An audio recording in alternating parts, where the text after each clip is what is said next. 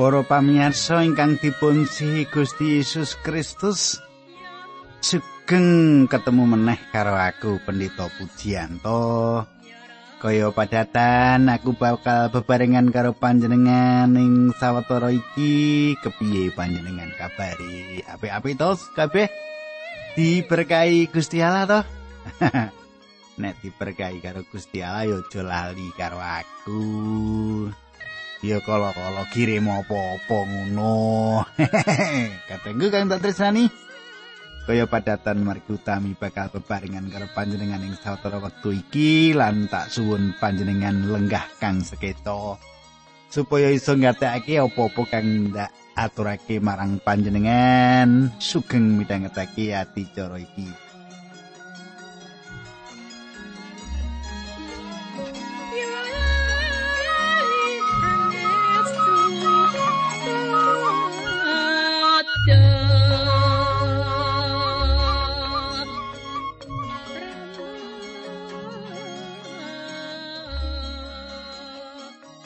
Para pamirsa kang ndak tresnani, tak suwun panjenengan ijik kelingan apa sing tak aturake marang panjenengan ana ing patemon kepungkur.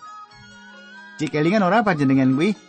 Tasih, Pak. Ya ngono ya dadi sing diaturake Pak Puji kuwi ijik kelingan. Iso digegilut, iso diwaca meneh ning omah. Mengkono kuwi dadi wong pratoya sing gelem sinau kayekten saka pangandikane Gusti. Jenenge wong sinau iku dibolan baleni. Nanging becik aku tak aturake dhisik ringkesan apa sing tak aturake kepungkur.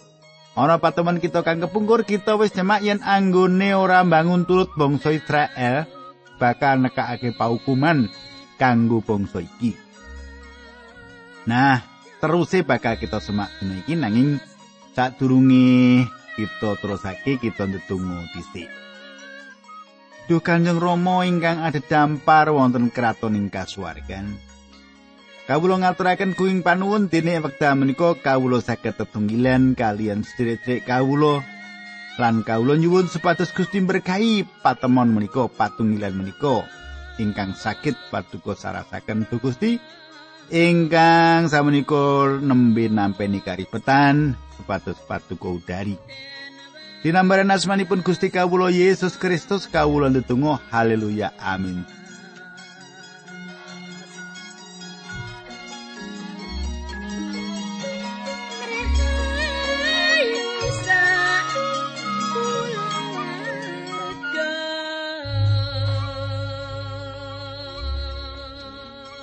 Para pamirsa ingkang ditresnani Gusti.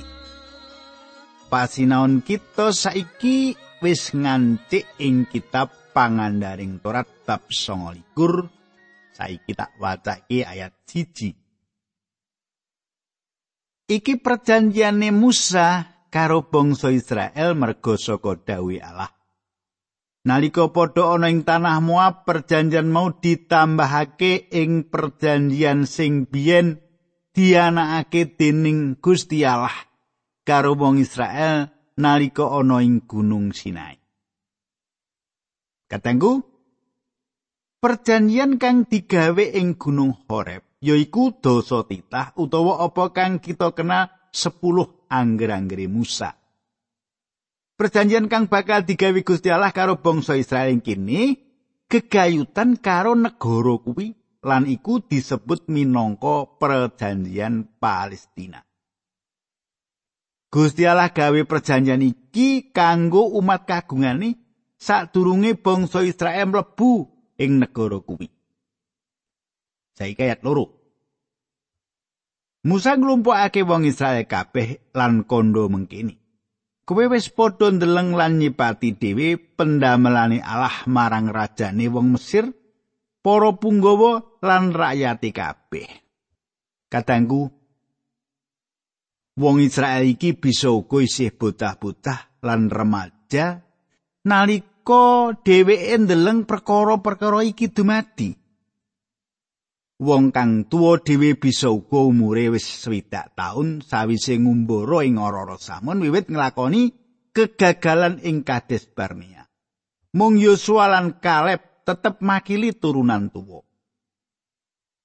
Bab 29 ayat telu tekan papat. Mangkene surasane. Semono uga kowe wis weruh pangrusak sing gumunake mukjizat-mukjizat lan kaeloan-kaeloan sing ditindakake dening Allah. Nanging tekan seprene panjenengane durung buka nalarmu nganti ngerti apa kersane lan apa perlune kowe ngalami kuwi mau kabeh. Kadangku Paulus sadrone Rom 11 8 meratelake bab anggone wong Israel buta. Mangkene sulasane. Kaya sing kasebut ing kitab suci ati lan pikirane wong-wong kuwi wis digawe ketul dening Gusti Allah. Nganti seprene wong-wong mau padha ora bisa ndeleng srana mripate lan ora bisa ngrungu srana kuping. Kadangku opo iki ateges yen Gusti Allah ora ngeparengake bangsa Israel mangerti yen Gusti Allah nampik dheweke. Ora, ora mengkono. pangandikan mau ateges bangsa Israel wis kelangan semangat. Bangsa Israel bisa ngrungokake pangandikane Gusti nanging bangsa Israel ora bisa ngrungokake Injil kinantenan pangerten. Dibutuhake roh Allah kanggo makarya lumantar pangandikane Allah supaya bisa buka mripat lan atine. Panjenengan uga nek maca Alkitab ora dituntun karo Roh Suci, maca kitab suci ora dituntun karo Roh Suci, panjenengan ora ngerti apa to lire pangandikan sing jenengan waca kuwi. Kaya ya mung crita lumrah. Awit ora ana roh sing nguripake tulisan-tulisan mau. Cetok ya. Mula do angger maca, nyuwun dituntun Roh Suci, ngono. ya. Saya kita terus ke ayat 5. Patang puluh tahun lawase Allah ngirit lakumu ing segara wedi. Ewa semono sandangan morang nganti lungset lan sandalmu orang nganti amoh. Panjenan bayangake melaku sak suwene patang puluh tahun nganggo sandal kang podo lan sandal mau ora amoh. Musa nerusake nyetakake anggone mlaku bangsa Israel kang nglewati ora-ora samun lan kepiye lelakon iki bisa mbuka mripate. Akeh Akeh wong ing jaman saiki kondo yen Gusti Allah kersa nindakake mukjizat ing ngarepane wong-wong mau bakal percaya. Nek Gusti Allah kersa nindakake mukjizat ing ngarepe wong-wong mau bakal percaya. Apa pancen mengkono? Kadangku wong-wong Israel iki ndeleng mukjizat lawase patang puluh tahun. Nanging senadyan mengkono wong-wong mau ora percaya. Wong dadi ora percaya dudu awet mengenake bukti. Wong-wong dadi ora percaya dudu awet apa kang diwaca ing sadroning kitab suci dudu awet apa kang dideleng ing sakiwa tengene kang dadi perkarane yaiku awet dasare wong-wong mau ora duwe kekuatan kanggo nampa prakara-prakara kang asale saka Gusti Allah. Wong mau ora duwe kekuatan kanggo nampani perkara-perkara kang asali saka Gusti Allah. Gusti Allah ngendika yen atine menungso kuwi dasare pancen Allah. Atine menungso kuwi dasare pancen Allah. Musa menehi sawijining reringkesan bab sejarah umat kagungane Gusti kuwi kang ngilingake umat gegayutan pangreksa kang ngitapi-tapi lan kepriye Gusti Allah nggatekake umat kagungane iki sawijining wiwitane saka perjanjian kuwi panjenengan eling yen perjanjian Palestina asipat tanpa syarat nanging anggone bangsa Israel duwe negara kuwi gumantung anggone bangsa Israel bangun turut marang Gusti Allah Saiki tak terusake ayat 10 nganti telulas. Mengkene surasane. Ing dina iki kowe kabeh padha ngadeg ana ing ngarsane pangeran Allahmu. Para panggedhe, para hakim lan para senopati dalah para pinutuwamu sarta para mat kabeh wong lanang, wong wadon lan anak-anakmu. Dalah wong manca sing manggon ing antaramu sing padha negara kayu lan amek banyu kanggo kowe. Ing dina iki kowe kabeh padha nglumpuk ing kene arep nampa woing perjanjian sing dianake dening pangeran Allahmu karo kowe lan nampa kewajiban-kewajibanmu. Srana perjanjian iki Allah kersa ngresmekake kowe dadi umate lan panjenengane dadi Allahmu miturut janjine marang kowe lan marang para leluhurmu Abraham, Iskak lan Yakub. Kadangku nalika kita maca pepilinge Musa yen anggone ora mbangun turut marang perjanjian kuwi bakal ana daya pengaruh marang umat lan uga marang negara kuwi. Perkara kuwi keprungune kaya sawijining panjangka awet Israel pancen nglalekake perjanjian kuwi. Saiki ayat 22 teko 17 ya tak wacake alon-alon bab 29 pengandaring Torat ayat 22 lan sak teruse mau tak wacake. Besok anak turunmu lan wong monco saka negara-negara aduh bakal padha weruh karusakan-karusakan. Lan kasangsaran sing ditekakake dening Allah ana ing tanahmu. Pategalanmu bakal dadi paleman cengkar, ketutupan lirang lan uyah. Ora bakal kena ditanduri apa-apa, dalah suket pisan bakal ora bisa tukul ning kono. Tanahmu bakal padha kutha-kutha Sodom lan Gomora, Atmah lan Zeboin sing padha diwalik dening Allah nalika dukane ngalet-alet. Wong sak jagat bakal padha takon. Yo gene Allah kok nindakake mengkono marang tanah bangsa kuwi? Yo gene kok dukane nganti semono? Ing kono bakal ana sing ngucap merga umat Allah wis ninggal marang perjanjian sing padha dianakake karo pangeran alae leluhure nalika panjenengane ngirit bangsa mau metu saka tanah Mesir. Bangsa kuwi nyembah marang brahala-brahala sing durung tau disembah. Mongko Allah wis ora marengake bangsa mau nyembah marang brahala. Mulane dukane Allah mulat-mulat marang umat lan nekake sakai paukuman ing tanah kono sing katulis sing kitab iki. Kadangku panjenengan wis tak wacake ayat iki, Saiki kepiye?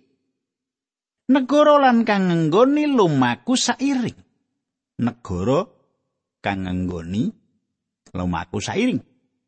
Sabeneri kabeh angger-angger Musa digawe kanggo negara kuwi.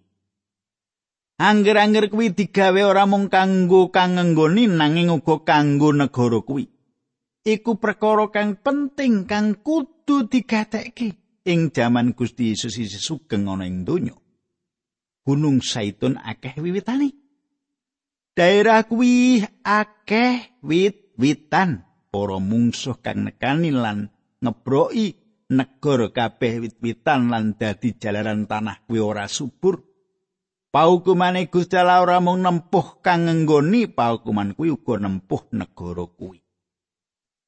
Saiki ayat 21 nganti 29. Paukumane Allah murup makantar-kantar lan sadurunge tukane mau bedol bangsa Israel saka panggonane dibuang menyang negara monco lan tekan seprene padha ora ana ing kono. Ana perkara sawetara sing digawe rahasia dening Allah lan ora disumurupake marang kita nanging dawe wis diandharake. Mulane kita lan anak turun kita kudu netepi sakai dawuh mau ing salawasi. Nanging kadangku sadurunge perjanjian kuwi diparingake marang bangsa Israel dinyatake apa kang ing tundone bakal dumati. Sebab panjenengan semak kanthi permati mengkone aku wis mundur saka iki panjenengan wacane. Nah saiki kita ngancik ing pangandaring Torat 30. Ayat siji loro mengkini. Saiki kowe milio berkah apa paukuman? yen paukuman mau kabeh wis nekani kowe lan kowe urip ing antarané bangsa-bangsa manca panggonanmu disebar dening Allah kowe bakal kelingan karo pilihan sing ndak adepake marang kowe iki yen kowe lan anak turunmu padha bali ngabekti marang Allah lan nglakoni kanthi mantep sakai dawuh sing diparingake marang kowe ing dina iki. Katanggu kepiye ayat iki? Ana pitung janji utama kang Gusti Allah yasa ing kene. Ana janji pitu kang utama kang Gusti Allah yasa. Ayat iki ngendikake yen bangsa Israel bakal disebar ing antaraning bangsa-bangsa. Bangsa iki bakal ditundung metu saka negara kuwi awit anggone ora setya. Perkara iki wis dumati, ayat loro meratelake yen bakal ana pamratobat saka bangsa Israel wektu kang bakal teka nalika bangsa iki isih ana ing kahanan sumebar. Iki sawijining paugeran sih rahmat, dudu paugerane Torat. Bangsa Israel ora bakal bali awit anggone bangun turut nanging bangsa Israel bakal bangun turut awit bangsa iki bali. Gusti Allah bakal mbalekake bangsa Israel kuwi menyang negara kuwi.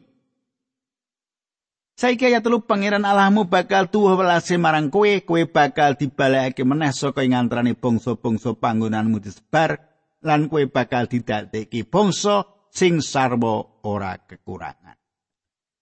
Kadangku ayat iki nyaritakake yen bangsa Israel iki bakal bali menyang negara kang diprastiyake. Iki sawijining pamedar wangsit lan ngedapi-dapi lan durung diganepi. Sadurunge dumadi panggenepane negara kuwi ora bakal diberkahi lan ora ana ing kahanan kang tentrem. Saiki ayat papat dan limo. Malah senadan panggonanmu pating selebar tekaning pojok ing bumi sing adoh pisan. Pengiran Allahmu bakal nglumpukake kowe kagawa bali meneh. Kowe bakal nguasani meneh tanah sing biyen tinggoni dening para luhurmu malah kowe bakal digawe luwih sugih lan tatahmu digawe luwih gedhe ketimbang karo jamane luhurmu Katanggu kang datresnani iki sawijining janjine Gusti Allah kang gedhe kang kaping papat Bangsa Israel bakal dipulihake menyang negara kuwi iki sawijining janji kang tanpa syarat tekan ngendi wae bangsa mau sumebar ing jaman kang bakal teka Gusti Allah bakal nuntun bangsa iki bali menyang negara kuwi kaya kang dicethakake ing ayat papat. Janji kang kaping 5 yaiku yen bakal ana sawijining pamratobat nasional. Ayat 6. Kowe lan anak turunmu bakal diparingi ati kang bangun turut, temah kowe bakal tresno marang pangeran Allahmu kelawan gumolong ing ati lan bakal tetep manggon ing tanahmu kono. Katengku bisa nemokake janji kang padha iki diteguhake ana ing Yeremia lan Hosea lan dinyatakake dening Paulus sing sajroning layang Rom. Kang kaping 6 kang disebutake ing kene yaiku yen mungsu-mungsu Israel bakal diadili. Israel bakal bali lan sebanjure mbangun turut suarane Gusti iki paugeran Syekh Rahmat sebanjure mungsu-mungsuhe bakal diadili. Ayat pitulan wolu, paukuman-paukuman bakal ditibakake marang mungsuh-mungsuhmu sing padha sengit lan padha nindes marang kowe. Kowe bakal mbangun turut meneh marang Allah lan nglakoni sakai dawuh sing diparingake marang kowe ing dina iki. Kadangku Tundone perkara kang gumunake kang kapitu yaiku Israel bakal nampa berkah kang kebak. Saiki pangandaring terat telung ayat songo Allah bakal berkahi sarupaning penggawemu. Kue bakal diparingi anak lan rojo koyo akeh. Palemahanmu bakal metokake hasil akeh banget. Kandi renaning penggalih Allah bakal ndadekake kowe sarwa ora kekurangan. Koyo naliko panjenengani kelawan renaning penggalih berkahi marang para luhurmu. Ayat sebelum nanging kue kudu bangun turut marang Allah lan ngelakoni sakaing dawe sing ditulis ning kitab iki, kitab angger-anggering Allah. Kue kudu mertobat kanthi ikhlas ing ati. Kadangku kang tak tresnani, kapan wektu baline bangsa mau? Kapan? Kapan bangsa mau bali? Apa baline bangsa mau dumadi ing wektu iki? Kapratelake cetha banget yen nalika bangsa Israel bali menyang negara iku, iku ditindakake ana ing sajroning pambangun turut marang Gusti Allah. Ora bakal ana berkah kanggo bangsa Israel negara kuwi sadurunge bali ing sajroning pambangun turut kanthi ati kang anyar kang bakal diparingake dening Gusti Allah marang bangsa iki. Baline bangsa Israel ing mangsa iki ora ditindakake ing sadroning pembangun turut marang Gusti Allah. Iki sifat ora ana syarat. Awit Gusti Allah piyambak kang bakal mbalekake bangsa Israel menyang negara kuwi. Saya kita terus ke pangandering terat bab telung puluh ayat 11 nganti 14. Dawuh sing ndak andharake marang kowe ing dina iki ora pati angel utawa ora moka dilakoni. Panggonane ora ana ing langit, mula kowe ora susah takon sapa sing bakal munggah mrono lan ngedunake kanggo kita supaya kita bisa ngrungokake lan nglakoni dawuh. Panggonane uga ora ana ing sabranging segara temah kowe perlu takon sapa sing bakal nyabrang ing segara njupuk kanggo kita supaya kita bisa ngrungokake lan nglakoni dawuh.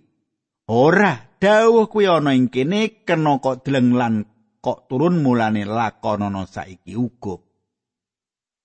Kadangku Israel ora bisa njaluk pangapura yen dheweke ora ngerti dawuh Gusti Allah. Gusti Allah wis nuntun langsung marang dheweke lan bangsa iki mengerti. kita uga duwe sawijining tanggung jawab. Panjenengan ora perlu munggah menyang swarga kanggo nampani keselamatan. Panjenengan ora perlu nyabrang segara kanggo duweni keselamatan. Pawarto keselamatan kuwi ana cerake panjenengan. Pawarto keselamatan kuwi cerake padha karo anggone panjenengan nyelehake radio. Duwe padha cerake karo wong kang khotbah utawa wong Kristen liyane kang bakal nglantarake pangandikane Allah marang panjenengan. lan panjenengan duwe tanggung jawab marang apa kang panjenengan pirengake. Katangku Yeremia 31 ayat 31 nganti 33 ngendikake mengkini. Pangandikane pangeran mengkini wis tekan wektune nggonku bakal gawe perjanjian anyar karo umat Israel lan karo wong-wong ing Yehuda. Perjanjian iki beda karo perjanjianku karo leluhure nalika ndak irit metu saka tanah Mesir. Senajan dek semono padha ndak rengkuh kaya bojo ewa semono padha ora netepi perjanjian mau. Perjanjian anyar sing bakal ndak damel karo Israel saiki mengkini aku bakal maringake toretku. Ana ing batine lan ndak serat ana ing atine aku banjur bakal jumeneng dadi alai. Lan wong-wong mau bakal padha dadi umatku. Sebanjure coba panjenengan semak Ibrani 8 ayat 8. nanging Gusti Allah nacat umate kuwi nalika panjenengan ngendika mengkene. Satemene bakal tekan wektune mengkono pangandikane pengiran aku bakal gawe perjanjian anyar karo turune Israel lan turune Yehuda. Sang Kristus. Katangku yaiku panjenengan kang nglembagake perjanjian anyar iki kang isih bakal dumati ing mangsa kang bakal kelakon Kayekten kang alandesan iman sak benere nyeksekake lumantar angger-angger Taurat lan para nabi. Sawetara kuwi ora perlu munggah menyang swarga nggawa mandhap Sang Kristus. Gusti Yesus wis tau rawuh kang kawitan lan sedo. Ora perlu meneh mungokake Gusti Yesus saka sedo awit panjenengane wis wungu piyambak saka pati. Umat Israel wis duwe angger-angger Taurat suwene 1500 taun lan bangsa Israel wanuh. Angger-angger mau awit tansah mbaleni lan nindakake cara tata cara agama. Nanging iku kabeh durung nuntun marang kayekten.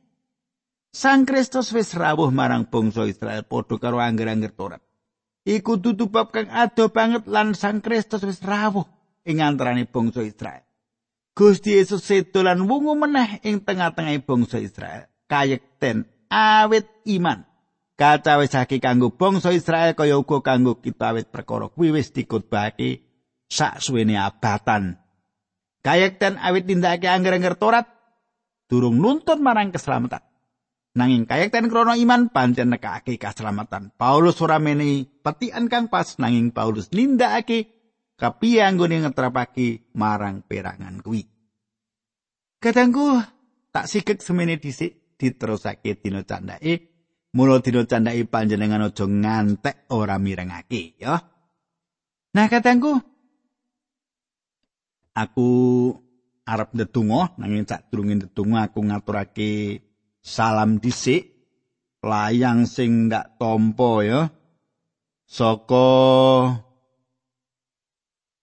Esther Setianingsih ya Mbak Esther Setianingsih Pak Puji kula mirengaken panjenengan ngandharake pangandikan Gusti mboten kraos kawruh kasukman kula tambah Inggih Mbak Esther matur nuwun sanget nggih.